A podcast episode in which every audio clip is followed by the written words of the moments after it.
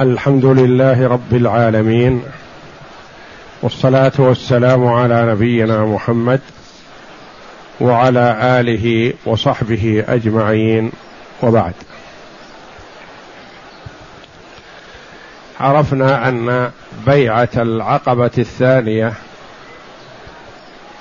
وهي البيعة الكبرى العظيمة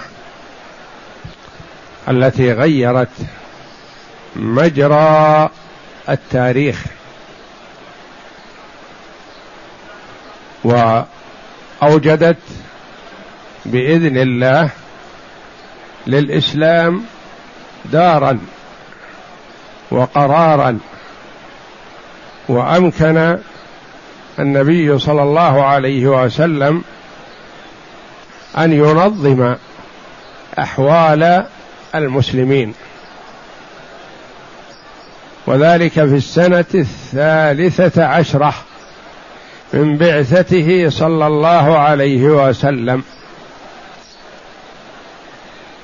بايع الأنصار أولا بيعة العقبة الأولى في السنة الثانية عشرة. ولقاؤه الأول بستة من أهل المدينة في السنة الحادية عشرة. وفي السنة الثانية عشرة حصلت البيعة الأولى. وفي السنة الثالثة عشرة من البعثة حصلت بيعة العقبة الثانية. وهي البيعة العظمى.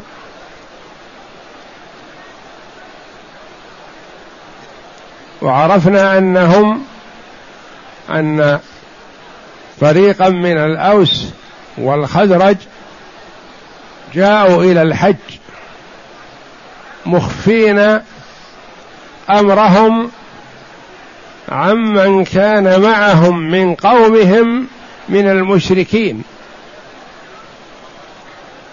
ومخفين هدفهم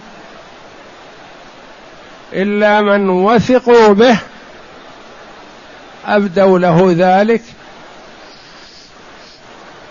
فأظهر وأعلن إسلامه.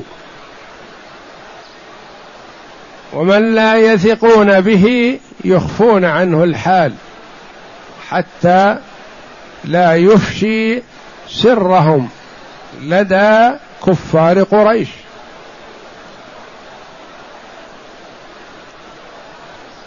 فتواعد السبعون رجل والمرأتان مع النبي صلى الله عليه وسلم في أوسط ليالي العقبة ليالي منى عند العقبة في منتصف الليل تقريبا. ينامون في أوله حتى لا يستنكر ذلك قومهم. فإذا هدأت الأجسام ونامت العيون تسللوا للقاء النبي صلى الله عليه وسلم. فواعدهم النبي صلى الله عليه وسلم عند العقبة. فتجمعوا وجاء النبي صلى الله عليه وسلم ومعه العباس بن عبد المطلب عمه وكان كافرا في ذلك الوقت قبل أن يسلم لكنه حضر من باب الحمية على ابن أخيه خشية أن يتوهم مع أناس ما يصلح أن يعتمد عليهم فيريد أن يختبرهم العباس. هل هم أهل قوة ونجدة وقتال يستطيعون الدفاع عن النبي صلى الله عليه وسلم أم أنهم ضعاف؟ ما يصلح أن يذهب إليهم. فحصل بينه وبين النبي صلى الله عليه وسلم اللقاء المبارك. وبايعوه رضي الله عنهم وتكلم من تكلم منهم وخوف من قد يجهل عاقبة ونتيجة هذه البيعة بأنها مقاطعة العرب قاطبة وأن الناس كلهم سيكونون حربا لهم لكن الإيمان. إذا خالط القلوب ما يبالي المؤمن بما يصيبه في ذات الله. ثم ماذا؟ أكثر ما يكون القتل هو يريد ذلك في سبيل الله. لإيمانهم بأن من قتل في سبيل الله فليس ميت وإنما حي بكلام الله جل وعلا. ولا تحسبن الذين قتلوا في سبيل الله أمواتا بل أحياء عند ربهم يرزقون. فأمنية المؤمن الأول الشهادة في سبيل الله. لتستمر وتدوم حياته حتى يدخل الجنة.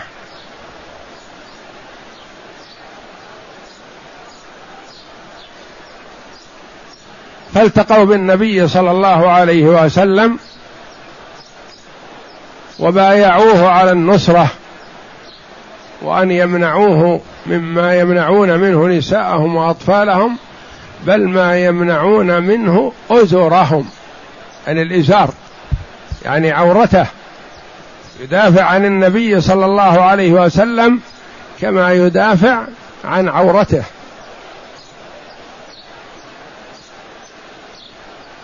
وحصلت البيعة المباركة في في الليل وأمرهم النبي صلى الله عليه وسلم أن يتفرقوا إلى رحالهم حتى لا يكتشف أمرهم. لكن شياطين الجن أقدر وأقوى من شياطين الإنس.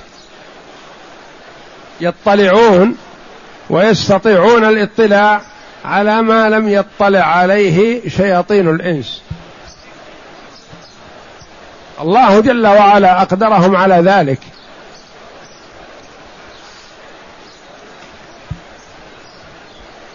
فلما تمت البيعة ضاق شياطين الجن ذرعا بها وعرفوا أن معناها ظهور الإسلام والإيمان.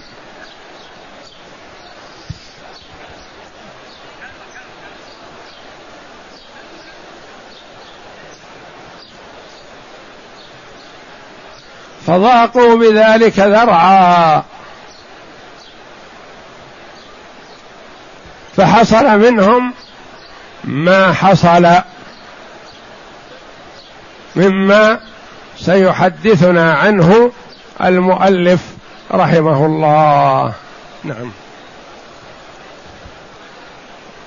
الحمد لله رب العالمين والصلاة والسلام على أشرف الأنبياء والمرسلين نبينا محمد وعلى آله وصحبه أجمعين. شيطان يكتشف يكتشف المعاهدة.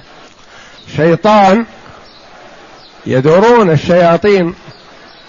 فاطلع على هذا الجمع فجاء ليسمع وهم لا يدرون.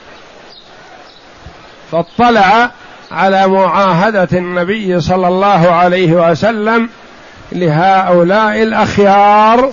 من الرجال والنساء فماذا فعل؟ نعم. ولما تم إبرام المعاهدة وكان القوم على وشك الانفضاض اكتشف من رحمة الله جل وعلا أنهم على وشك الانفضاض يعني بعد ما انتهوا. الله جل وعلا أخذ بمسامع الجن والإنس. وليري الإنس ما أقدر الله عليه الجن. أنهم قدروا على شيء لكن الله جل وعلا سلم من شرهم. ما كان هذا الصراخ من الشيطان؟ حال الاجتماع أول الاجتماع فيأتي شياطين الإنس فيطلعوا على ما حصل. لا. كان في الأخير. نعم. وكان القوم على وشك الانفضاض اكتشفها أحد الشياطين وحيث جاء هذا الاكتشاف في اللحظة الأخيرة ولم يكن يمكن إبلاغ زعماء قريش هذا الخبر سرا ليباغت المجتمعين وهم في الشعب. قام ذلك الشيطان على مرتفع من الأرض وصاح بأنفذ صوت سمع قط يا أهل الأخشاب المنازل هل لكم في محمد والصبات معه؟ قد اجتمعوا على حربكم. فقال رسول الله صلى الله عليه وسلم يا أهل الأخاشب يعني أهل مكة أهل المنازل أهل البيوت انتبهوا الأمر خطير جدا. نعم. هل لكم؟ هل لكم في محمد والصبات معه؟ الصبات يعني صابي. والمراد بهم المسلمون الأتقياء البررة رضي الله عنهم وأرضاهم خيار الأمة. يقول هؤلاء صبات لأنهم يقولون عن المسلم صابي إما أنه جاهل وإما أنه صابي يعني من الصابئة الذين ليس لهم دين. تركوا الأديان. وهم في زعمهم في زعم كفار قريش أن محمدا ترك اليهودية والنصرانية ودين إبراهيم وجرد نفسه ومن معه من الدين. وهو مع الدين الحق الذي اختاره الله جل وعلا وفضله على سائر الأديان. نعم. قد اجتمعوا على حربكم. يقول هذا اللعين الشيطان انتبهوا يا أهل الديور أهل الدار أهل البيوت يا كفار قريش. إن محمد اجتمع ومن معه على حربكم. نعم. فقال فقال رسول الله صلى الله عليه وسلم هذا أزب العقبة. أزب العقبة. أزب. أزب والأزب اسم من أسماء الشياطين شياطين الجن. يقال له أزب. وقالوا أن عبد الله بن الزبير رأى رجل طوله شبران. فأخذ العصا ليضربه لأن عرف أنه ما هو إنسي. فقال من أنت؟ قال أنا أزب من الجن. أزب من الجن. وهذا الذي صرخ أخبر النبي صلى الله عليه وسلم أنه أزب العقبة يعني شيطان من شياطين الجن. توعده النبي صلى الله عليه وسلم. فقال رسول الله صلى الله عليه وسلم هذا أزب في مادة الزباباء في القاموس المحيط. بينه في مادة زباباء لأنه قد يتوهم الإنسان أنه في مادة أزباء وليس كذلك بل نبه في مادة أزب قال والأزب في مادة الزباباء لا في مادة أزب. وهو شيطان من شياطين الجن. يعني الجن فيهم أخيار وفيهم شياطين. مثل الإنس فيهم أخيار وفيهم شياطين. شياطين الإنس والجن. يوحي بعضهم إلى بعض زخرف القول غرورا. ويكون الشيطان كما تقدم حتى من من الدواب من الإبل والحمير والفرس والبغال. فعمر رضي الله عنه لما ركب البرذون لما أراد التوجه إلى أهل الشام الصلح معهم على فتح بيت المقدس رضي الله عنه خرج من المدينة متوجها إليهم. فلما قرب منهم التقى بهم أمراء الأجناد وأرادوا أن يصلحوا من شأنه لأنه رضي الله عنه متواضع. عباءته يتوسدها أو يتفرشها وينام تحت شجرة أو تحت جدار أو أي مكان ولا يبالي بنفسه رضي الله عنه. ويقرقر بطنه من الجوع ومن حفوفة الطعام وعدم كونه دسم أو فيه ليونة ويقول يضربها يقول قرقري أو لا ترقري والله لا تذوق الزوت حتى يشبع منه فقراء المسلمين رضي الله عنه.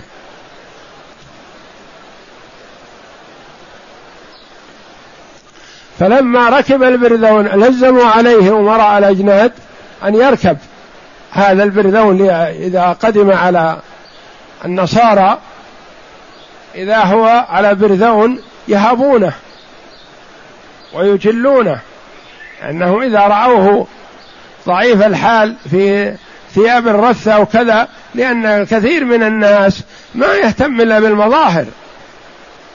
وهذا خطأ لأن الرجال بالقلب واللسان وليس باللباس. فركب رضي الله عنه البرذون بعدما ألحوا عليه. لكن لما ركبه تغيرت نفسه. ما صبر على هذا. نزل قال ما أركبتموني دابة وإنما أركبتموني شيطان رضي الله عنه. ونزل عنه وركب دابته الأولى. قال هذا شيطان. فالشيطان يكون في الإنس وفي الجن وفي الدواب. نعم. فقال رسول الله صلى الله عليه وسلم هذا أزب العقبة. أما والله يا عدو الله لأتفرغن لك. لأتفرغن لك.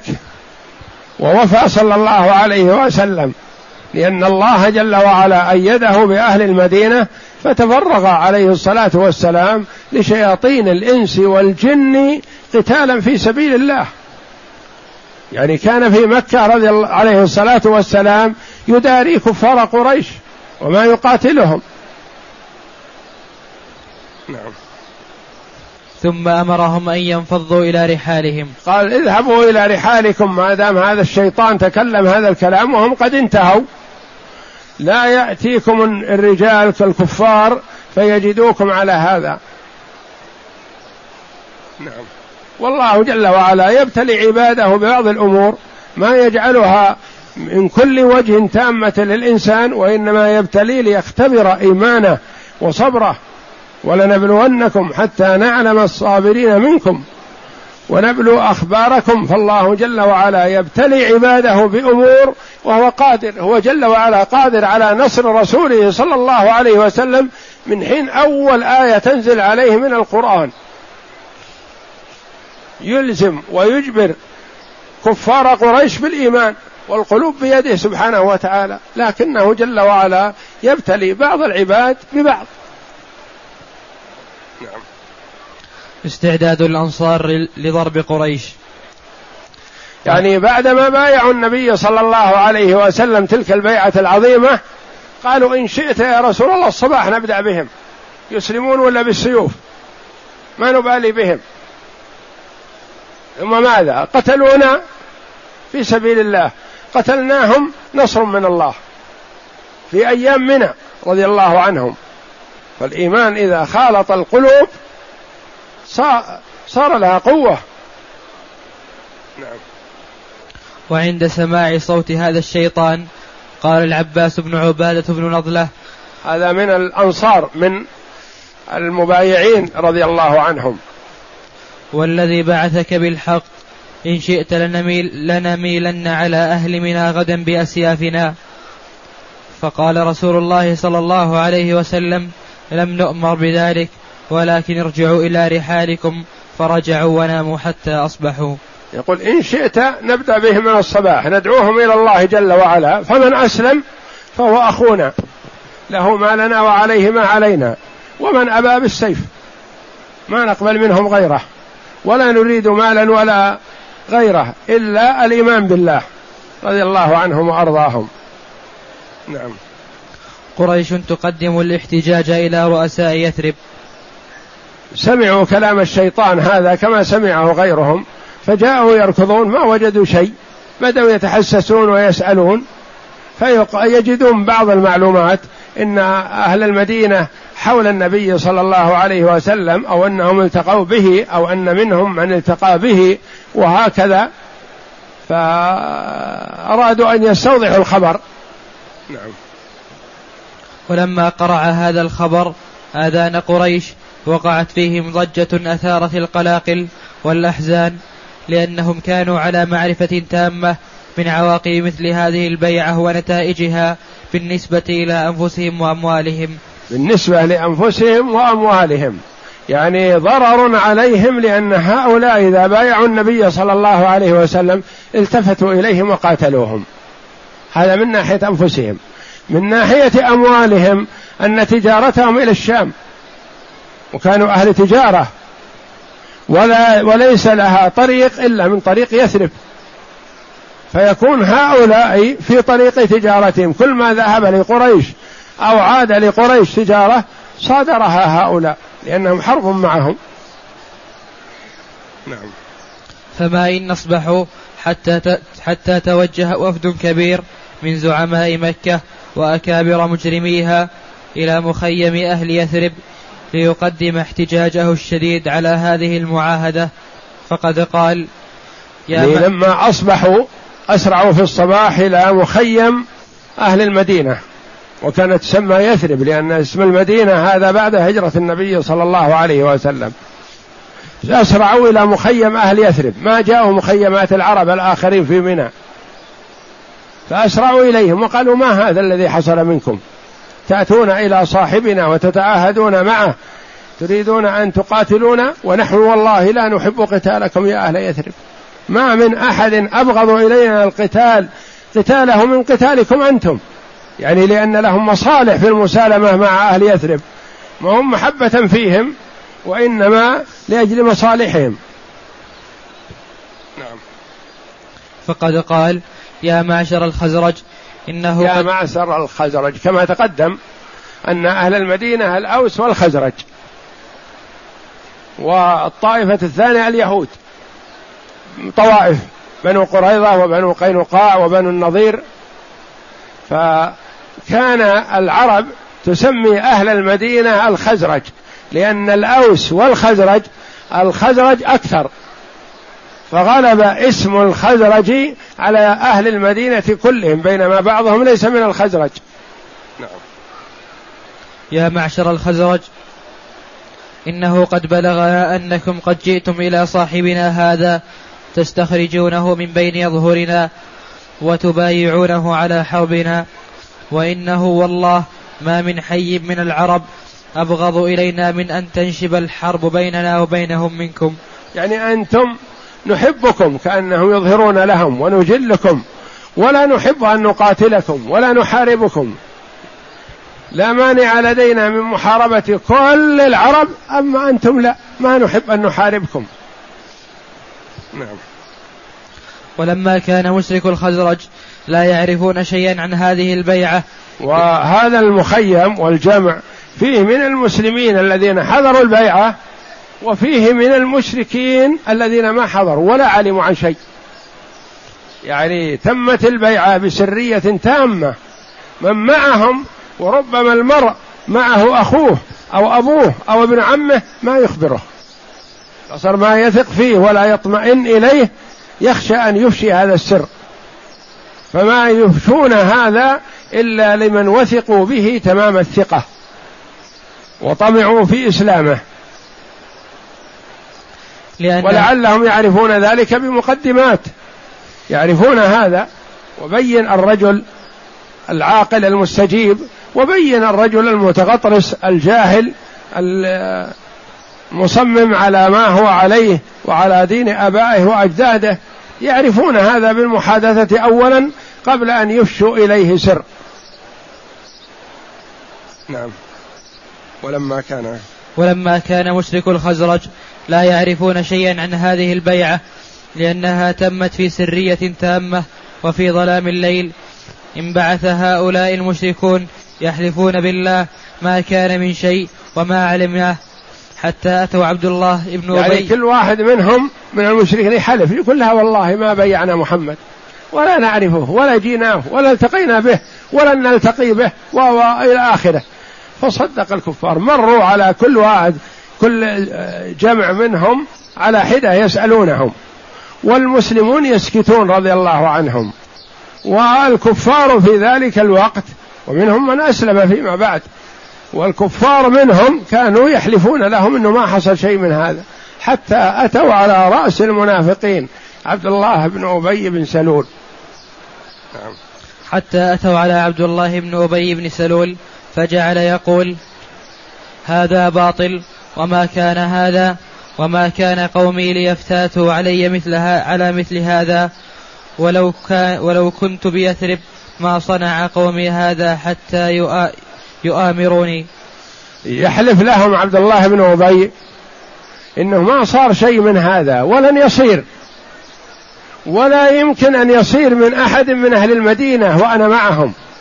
لو لو لو أني ما لست معهم وبالمدينة ما يتفقون مع محمد ولا غير محمد حتى يستعمروني. أنا رئيسهم وأنا كبيرهم ولا يفتاتوا علي. اطمئنوا بأنه ما حصل من هذا شيء. والله جل وعلا هو الذي أجرى هذا على لسانه حتى يستر الله على المسلمين لا يؤذون. ولو ظهر هذا قبل أن يخرج الحجيج من منى لها صار شيء عظيم. ولا قتل من المسلمين مقتله. ولكن لله في ذلك حكمة. الله يدافع عن الذين آمنوا. وسلط جل وعلا ألسنة هؤلاء الكفار لستر حال المسلمين. نعم. أما المسلمون فنظر بعضهم إلى بعض ثم لاذوا بالصمت فلم يتحدث أحد ما منهم. ما حلفوا ما حصل شيء من هذا ولا قالوا حصل ولا نبالي لا. أخذوا بقول النبي صلى الله عليه وسلم وتوجيه لهم بالسرية فسكتوا رضي الله عنهم ما تكلموا. والساكت ما يدرى ما عنده. نعم. فلم يتحدث أحد منهم بنفي أو إثبات. ومال زعماء قريش إلى تصديق المشركين فرجعوا خائبين. صدقوهم لما حلفوا لهم. عبد الله بن أبي قال لهم ما يمكن يصير مثل هذا ولا أدري عنه. لو كنت بالمدينة ما يتفق صحبي وأهل المدينة على شيء إلا بعد ما يؤامروني. لو أنا في يثرب لأن ما صار اسم المدينة إلى الآن. لو أنا في يثرب ما اتفقوا مع أحد حتى يرجعوا إلي. نعم. تأكد الخبر لدى قريش ومطاردة, المب... ومطاردة المبايعين. عاد زعماء مكة وهم على شبه شبه اليقين من كذب هذا الخبر؟ قالوا هذا خبر مكذوب لأن هؤلاء كبراء أهل يثرب حلفوا لهم أنه ما صار من هذا شيء. قالوا هذه فتنة شيطانية من كلام الشيطان فقط ما له أصل. نعم. لكنهم لم يزالوا يتنطسونه يكثرون البحث عنه ويدققون النظر فيه حتى تأكد لديهم أن الخبر صحيح. والبيعة قد تمت فعلا. وذلك بعدما نفر الحجيج إلى أوطانهم فسارع فرسانهم بمطاردة اليثربيين. يعني ما تحركوا إلا نحو اليثربيين نحن أهل المدينة لأنهم هم الذين نقل عنهم أنهم بايعوا النبي صلى الله عليه وسلم. لكنه والحمد لله بعدما ذهب الحجيج إلا أنهم أدركوا اثنين منهم. نعم.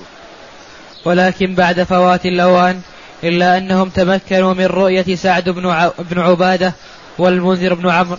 رضي الله عنهم الاثنين كانوا من أهل البيعة رضي الله عنهم ومن النقباء ومن خيار الناس رضي الله عنهم. تمكنوا منهم وأدركوهم لكن المنذر أفلت من أيديهم وما استطاعوا أن يلحقوه وسعد بن عبادة رضي الله عنه مسكوه. نعم. فطاردوهما فأما المنذر فأعجز القوم وأما سعد فألقوا القبض عليه فربطوا يديه إلى عنقه بنسع, رحل بنسع رحله وجعلوا يضربونه ويجرونه ويجر الحبل الذي يربط به الرحل من تحت بطن البعير. فكوه وربطوه رضي الله عنه. فجعلوا يضربونه ويجرونه ويجرون شعره حتى أدخلوه مكة. رجعوه إلى مكة. فجاء المطعم, المطعم بن عدي والحارث بن حرب بن أمية فخلصاه من أيديهم. إذ كان سعد يجير لهما قوافلهما المارة بالمدينة. بعض الروايات أنه كانوا يضربونه ويشددون عليه. فمر به رجل يقول فيه شيء من الرحمة لكن ما يستطيع أن يخلصني. قال ما تعرف أحد من أهل مكة تنادي باسمه؟ يقول قلت بلى. أنا أجير لأهل مكة. أعرف المطعم بن عدي وأعرف فلان وأعرف فلان. قال نادي باسمه. فنادى باسم المطعم بن عدي فذهب ذاهب وقال إن رجلا من أهل يثرب ينادي باسمك. فجاء المطعم وخلصه. لأنه كان يجير تجارته. إذا ذهبت من مكة إلى الشام تمر بالمدينة يجيرها سعد بن تعرض إليها مشرك مكة المدينة. نعم. وتشاورت الأنصار حين فقدوه أن يكروا إليه فإذا هو قد طلع عليهم فوصل القوم يعني أرادوا أن يرجعوا إليه ليخلصوه بالمعروف أو بالقوة أو بالقتال. لكنه قد جاءهم أطلقوا سراحه. خلصه المطعم وصاحبه وأطلقوا سراحه يرجع للمدينة. هذه هي بيعة العقبة الثانية التي تعرف ببيعة العقبة الكبرى.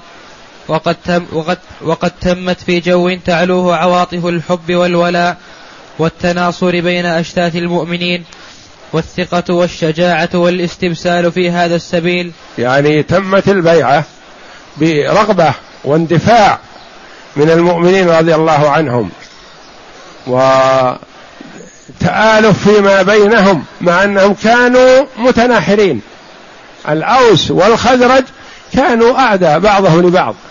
وبينهم القتال الشديد ولا يعرف بعضهم بعضا. لكن بهذه البيعة اتفقوا عليها وبايعوا النبي صلى الله عليه وسلم بحب وإخلاص وإيمان بالله ورسوله رضي الله عنهم. فمؤمن من أهل يثرب يحنو على أخيه المستضعف في مكة ويتعصب له ويغضب من ظالمه وتجيش في حناياه مشاعر الود لهذا الأخ الذي احبه أحبه بالغيب في ذات الله. يعني الحب في الله والبغض في الله أوثق عور الإيمان.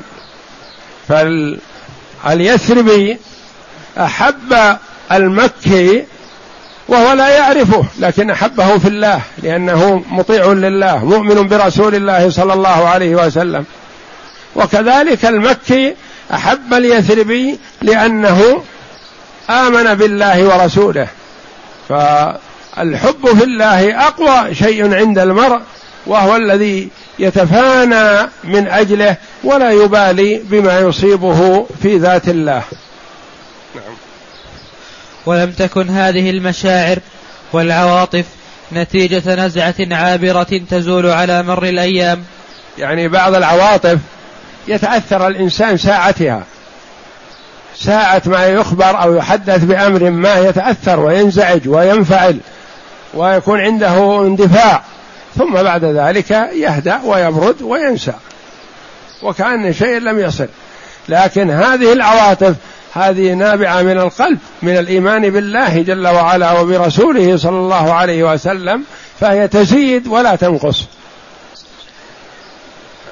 بل كان مصدرها هو الإيمان بالله وبرسوله وبكتابه. إيمانا لا يزول أمام أي قوة من قوات من قوات الظلم والعدوان. إيمانا إذا هبت ريحه جاءت بالعجائب في العقيدة والعمل.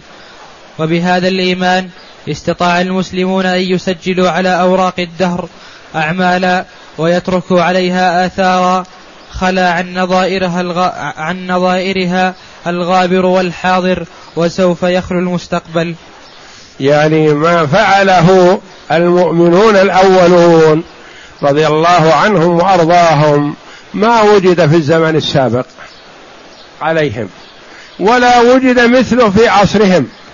عصبية أو حمية لمبدأ من المبادئ غير مبدأ الإيمان.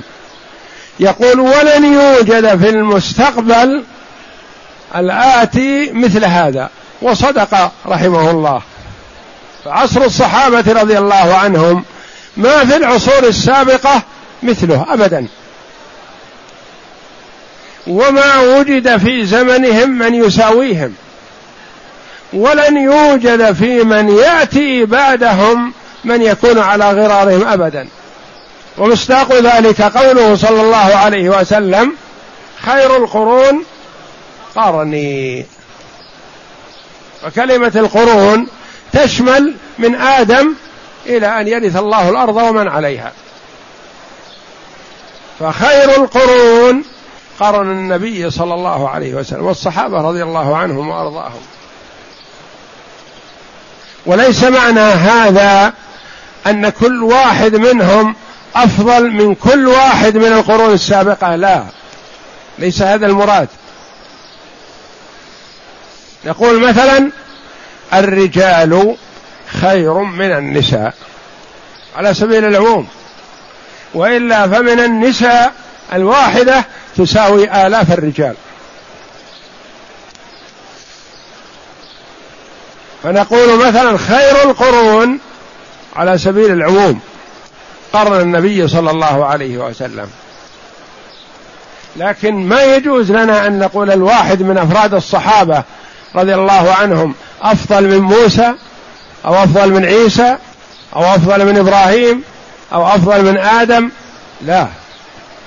ليس المراد التفضيل الفردي وإنما التفضيل الجماعي. يقول خير القرون قرن النبي صلى الله عليه وسلم. وخير الأفراد وخير الخلق محمد صلى الله عليه وسلم. وأفضل الناس بعده الرسل والأنبياء عليهم الصلاة والسلام. ثم الصديقون والشهداء. فما يفضل الأفراد على الأفراد وإنما القرن على القرن. يقال مثلا عام كذا أو قرن القرن السابع أفضل على سبيل العموم من القرن العاشر مثلا. وليس معنى هذا أن كل أهل القرن السابع أفضل من القرن العاشر لا. وإنما قد يوجد في القرن العاشر أفراد هم أفضل من أفراد أو من جميع أهل القرن السابع وهكذا. فالتفضيل على سبيل العموم. فقوله صلى الله عليه وسلم خير القرون قرني معناه خير القرون من آدم عليه السلام إلى أن يرث الله الأرض ومن عليها خيرهم هم صحابة رسول الله صلى الله عليه وسلم. فهم أفضل القرون واختارهم الله لصحبة نبيه صلى الله عليه وسلم ولتبليغ شرعه. ولهذا إذا جاءنا الحديث عن النبي صلى الله عليه وسلم نبحث عن عدالة السلسلة. فلان عن فلان عن فلان عن فلان. حتى نصل إلى الصحابي نقول خلاص. الصحابي ما يحتاج سؤال. كلهم ثقات وكلهم عدول بصحبتهم لنبيهم صلى الله عليه وسلم. والصحابة كلهم ثقات رضي الله عنهم ولا يقال عنهم شيء ما. نعم.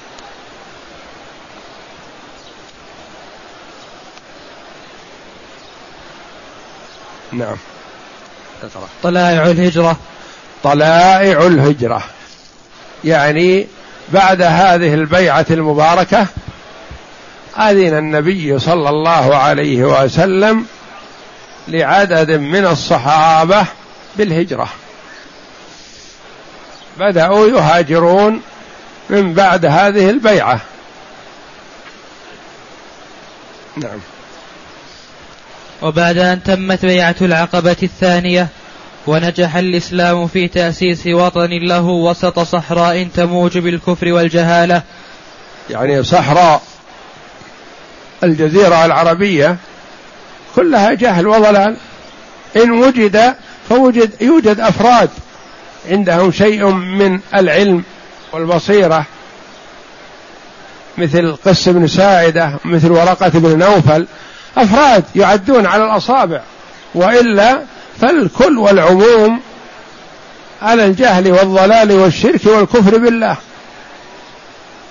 وحتى أهل الكتابين فهم ضلال وكانوا على الشرك مع أنهم أهل كتاب. وهم مشركون مع كونه الكتاب بين أيديهم لكنهم ما عملوا به. نعم. نعم. وهو أخطر كسب حصل عليه الإسلام منذ بداية دعوته. يعني إيمان عدد من أهل يثرب وكانت المدينة موطن للإسلام هذا كسب عظيم وبدأ الإسلام يظهر. نعم. وأذن رسول الله صلى الله عليه وسلم للمسلمين بالهجرة إلى هذا الوطن. أذن لهم لأنهم عليه رضي الله عنهم وأرضاهم ما يخرجون إلا بإذن النبي صلى الله عليه وسلم. لما ضايقهم كفار قريش في الأول قال لهم الحقوا بالحبشة. فيها ملك عادل ما يظلم الناس حوله. فأذن لهم بالهجرة إلى الحبشة. فهاجر من هاجر منهم ومنهم عثمان رضي الله عنه ومعه بنت النبي صلى الله عليه وسلم. نعم. ولم يكن معنى الهجرة إلا إهدار المصالح والتضحية بالأموال والنجاة بالشخص فحسب مع الإشعار الهجرة ليس معناها سفر تجارة أو سفر نزهة أو سفر لجو أطيب. لا الهجرة تضحية. يضحي بماذا؟ بأهله. يضحي بماله. يضحي بسكنه. يذهب وحيد. إلا من آمن معه من أهله. رضي الله عنهم وأرضاهم. ولهذا يأتينا صهيب رضي الله عنه الذي أنزل الله جل وعلا فيه ومن الناس من يشري نفسه ابتغاء مرضات الله والله رؤوف بالعباد. ربح البيع أبا يحيى يقول له النبي صلى الله عليه وسلم. نعم. مع الإشعار مع الإشعار بأنه مستباح منهوب قد يهلك في يعني قد لا يصل إلى مراده قد يقتل من حين ما يخرج من مكة. ما هو مطمئن على أنه مسافر ويذهب إلى يثرب. قد يقتل قبل أن يخرج من مكة. إذا عزم على الهجرة التقى به جماعة من كفار قريش وقتلوه في مكانه. معناه أنه مخاطرة كاملة بالنفس والمال والأهل والجاه والسكن وكل شيء. نعم. قد يهلك. قد يهلك في أوائل الطريق أو نهايتها وبأنه يسير نحو مستقبل مبهم لا يدري ما يتمخض عنه من قلاقل وأحزان. مستقبل مبهم من حيث الدنيا وما يدري ماذا يصير عليه وإلا فهو واثق بربه مؤمن بربه يعرف أن مستقبله في الآخرة خير والجنة. لأنه آمن بالله ورسوله لكن ما يدري هل يسير خمسة كيلو أو عشرة كيلو أو مئة كيلو أو ما يسيرها ويقتل قبل أن يصل. ما يدري. نعم. وبدأ المسلمون يهاجرون وهم يعرفون كل ذلك. أكثرهم أو جلهم يهاجر مستخفيا. يخرج في منتصف الليل ويسير إلى المدينة. نعم. وهم يعرفون كل ذلك. وأخذ المشركون يحولون بينهم وبين خروجهم لما كانوا يحسون من الخطر وهاك نماذج من ذلك. ذكر رحمه الله عدد من النماذج المخا... من أنواع المخاطرة منها تفريق بين المرء وبين زوجه وولده ومنها التفريق بين المرء وماله ومنها التفريق بين المرء وصحبه وصبروا رضي الله عنهم وأرضاهم. نعم. نعم. كان من أول المهاجرين أبو سلمة هاجر قبل العقبة الكبرى بسنة على ما قاله ابن إسحاق وزوجته وابنه فلما زوجته هي أم سلمة رضي الله عنها وأرضاها. والتي هاجرت معه كان هاجروا إياها للحبشة ثم عادوا إلى مكة ثم أراد رضي الله عنه الهجرة إلى المدينة فحصل ما حصل من شجار بين قبيلته وقبيلة زوجته. فلما أجمع على الخروج قال له أصهاره هذه أصهاره أهل زوجته. أم المؤمنين أم سلمة رضي الله عنها. نعم. قال له أصهاره هذه نفسك غلبتنا غلبتنا عليها. أرأيت صاحبتنا هذه؟ على ما نتركك تسير بها في البلاد فأخذوا منه زوجته وغضب آل أبي سلمة لرجلهم فقالوا لا نترك ابننا معها إذ نزعتمون إذ نزعتموها من صاحبنا وتجاذبوا الغلام بينهم فخلعوا يده وذهبوا به. وانطلق أبو سلمة وحده إلى المدينة وكانت أم سلمة بعد ذهاب زوجها وضياع ابنها تخرج كل غداة بالأبطح تبكي حتى تمسي ومضى على ذلك نحو سنة فرق لها أحد ذويها وقال ألا تخرجون هذه المسكينة؟ فرقتم, بي فرقتم بينها وبين زوجها وولدها فقالوا لها الحقي بزوجك إن شئت. فاسترجعت ابنها من عصبته وخرجت تريد المدينة. رحلة تبلغ خمسمائة, كيلو مترا وليس معها أحد من خلق الله. حتى إذا كانت بالتنعيم لقيها عثمان بن طلحة. حتى إذا كانت بالتنعيم لقيها عثمان بن طلحة بن أبي طلحة. وبعد أن عرف حالها شيعها حتى أقدمها إلى المدينة. فلما نظر إلى قبى قال زوجك في هذه القرية فادخليها على بركة الله. ثم انصرف راجعا إلى مكة. أراد أبو سلمة أن يهاجر فعزم على الهجرة. فجاء أهل أم سلمة رضي الله عنها. قالوا لا نترك ابنتنا معك تسيح بها في البلاد ومنعوها. فذهب وحده. وبقيت هو هي وحدها ومعها ابنها. جاء أهل أبي سلمة. وقالوا لا نترك ابننا مع أخواله. نحن أحق به. وجذبوه حتى خلعوا يده وأخذوه معهم. زوجها في ناحية. وابنها أخذ بيدها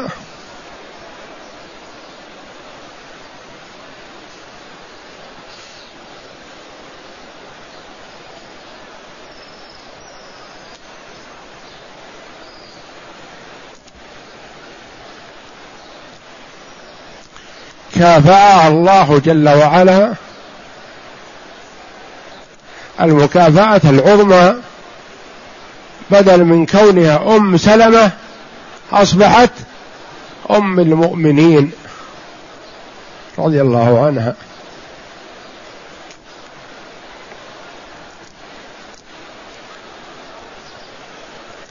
صبرت من أجل دينها رضي الله عنها وأرضاها وعقيدتها.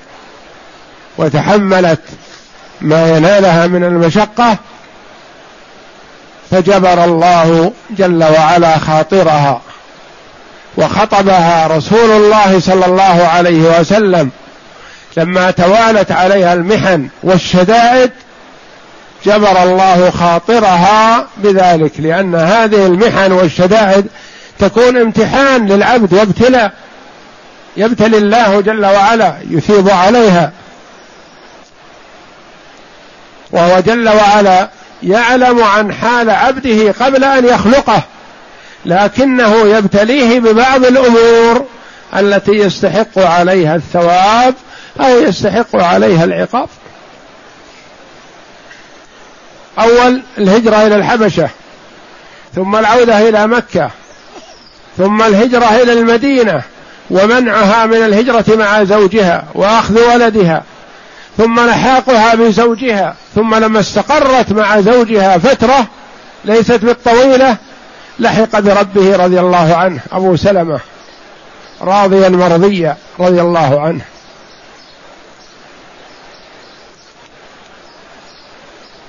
فبقيت أم سلمة رضي الله عنها في المدينة ليس لها أحد.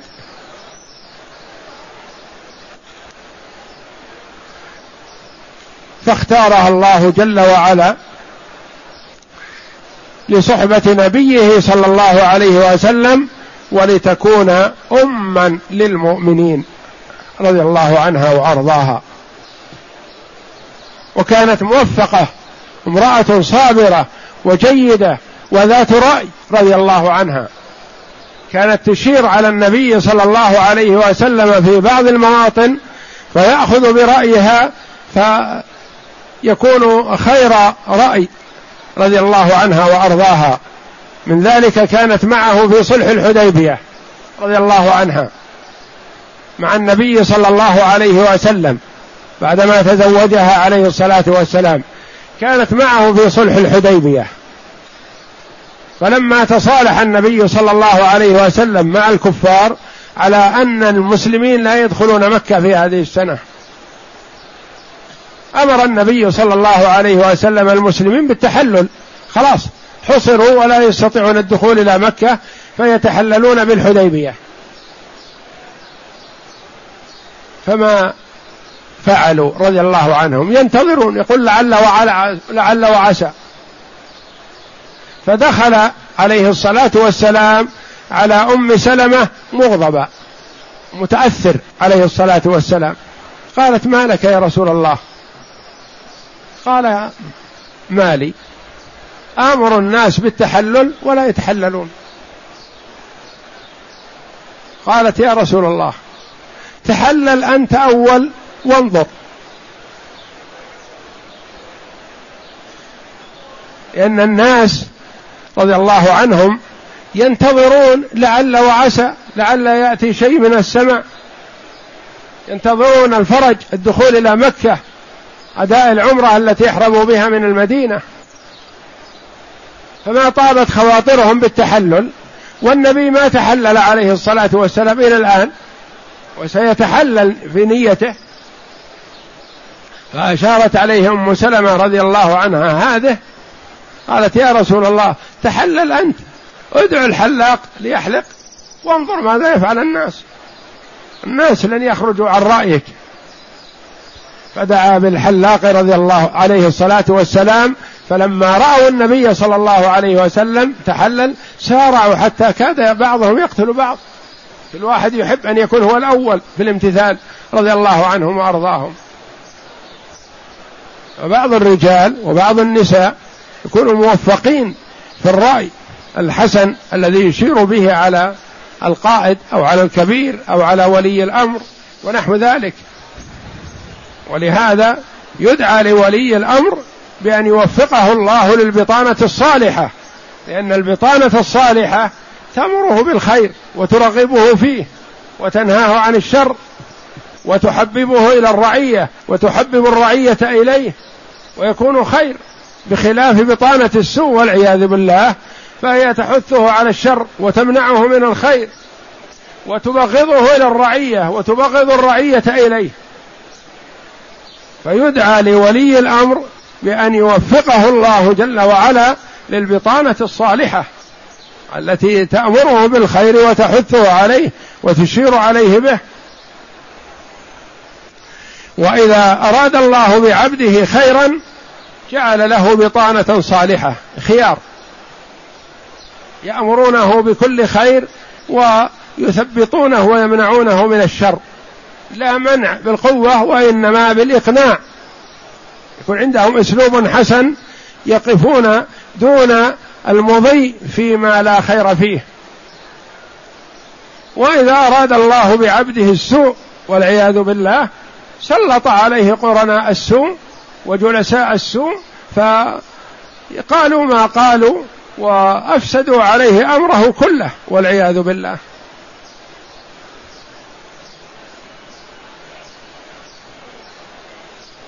مما يذكر أن امرأة من الناس دخلت على الحجاج فأغضبته غضبا شديدا. فالتفت الحجاج إلى من حوله وقال ما تقولون في هذه؟ قالوا اقتلها.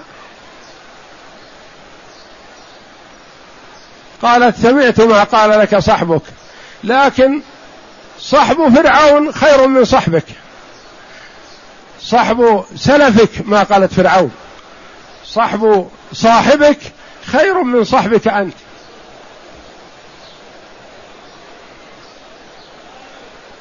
جلساء صاحبك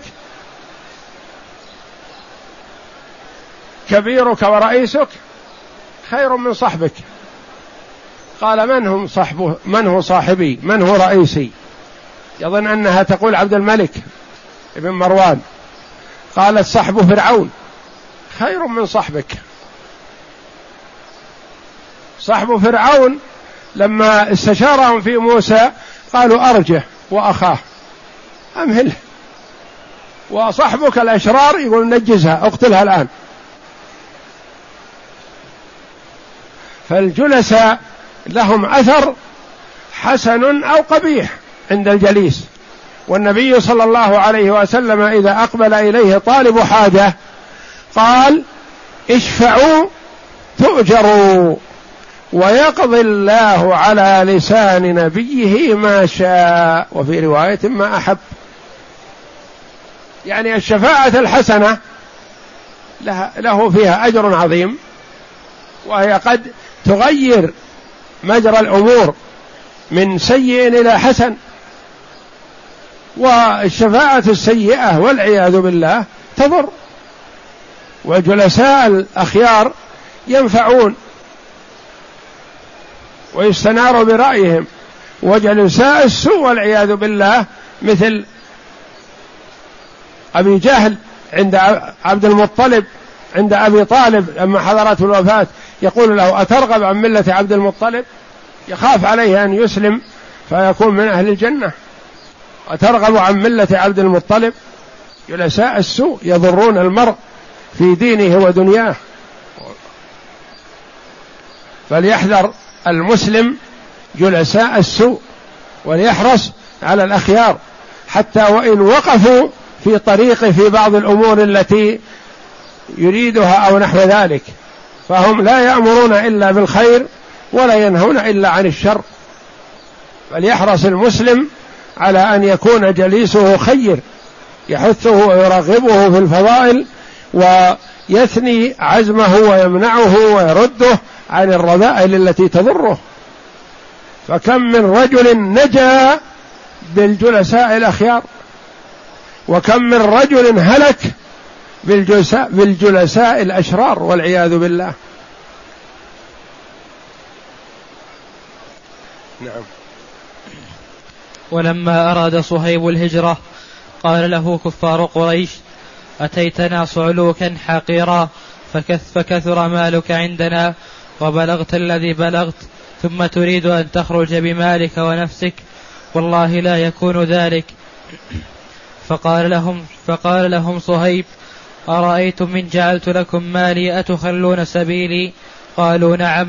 قال فإني قد جعلت لكم مالي فبلغ ذلك رسول الله صلى الله عليه وسلم فقال ربح صهيب ربح صهيب. صهيب رضي الله عنه كما ذكر جاء إلى مكة فقير ما عنده شيء. فوفق في التجارة والعمل فأسرى رضي الله عنه. ثم إنه هو من المسارعين إلى الإمام بمحمد صلى الله عليه وسلم. ومما ممن ناله شيء من الاضطهاد لكنه صبر عليه. لكن لما أراد الهجرة خرج له كفار قريش في الطريق وقالوا والله لا تفجعنا بنفسك ومالك ما تروح. أتيتنا فقير صعلوك فأثريت عندنا تريد أن تذهب بنفسك ومالك؟ قال رأيتم إن تركت لكم مالي تخلون سبيلي؟ قالوا نعم. لا نريد منك شيء غير مالك. فقال هو في المكان الفلاني في البيت كذا احفروا وتجدوه. ذهب. فتركوه ورجعوا. عرفوا أنه لا يكذب عليهم. ووجدوا المال كما أخبرهم رضي الله عنه. وذهب إلى المدينة. فلما دخل المسجد إذا النبي صلى الله عليه وسلم جالس وحوله الصحابة فقال عليه الصلاة والسلام ربح البيع أبا يحيى. ما كلم قبل أن يكلم النبي صلى الله عليه وسلم فيما روي والله أعلم. أتى الوحي من السماء الآية الكريمة. وقبل أن يخاطب النبي يقول له النبي عليه الصلاة والسلام ربح البيع أبا يحيى. يعني بيعك الذي حصل بينك وبين ربك هذا بيع رابح. أنزل الله جل وعلا على محمد صلى الله عليه وسلم ومن الناس من يشري نفسه ابتغاء مرضات الله والله رؤوف بالعباد. يعوضه الله جل وعلا خير في الدنيا والآخرة. ومن الناس من يشري نفسه ابتغاء مرضات الله جمهور المفسرين على أن هذه الآية نزلت في صهيب رضي الله عنه وأرضاه ويكنى بأبي يحيى رضي الله عنه وأرضاه.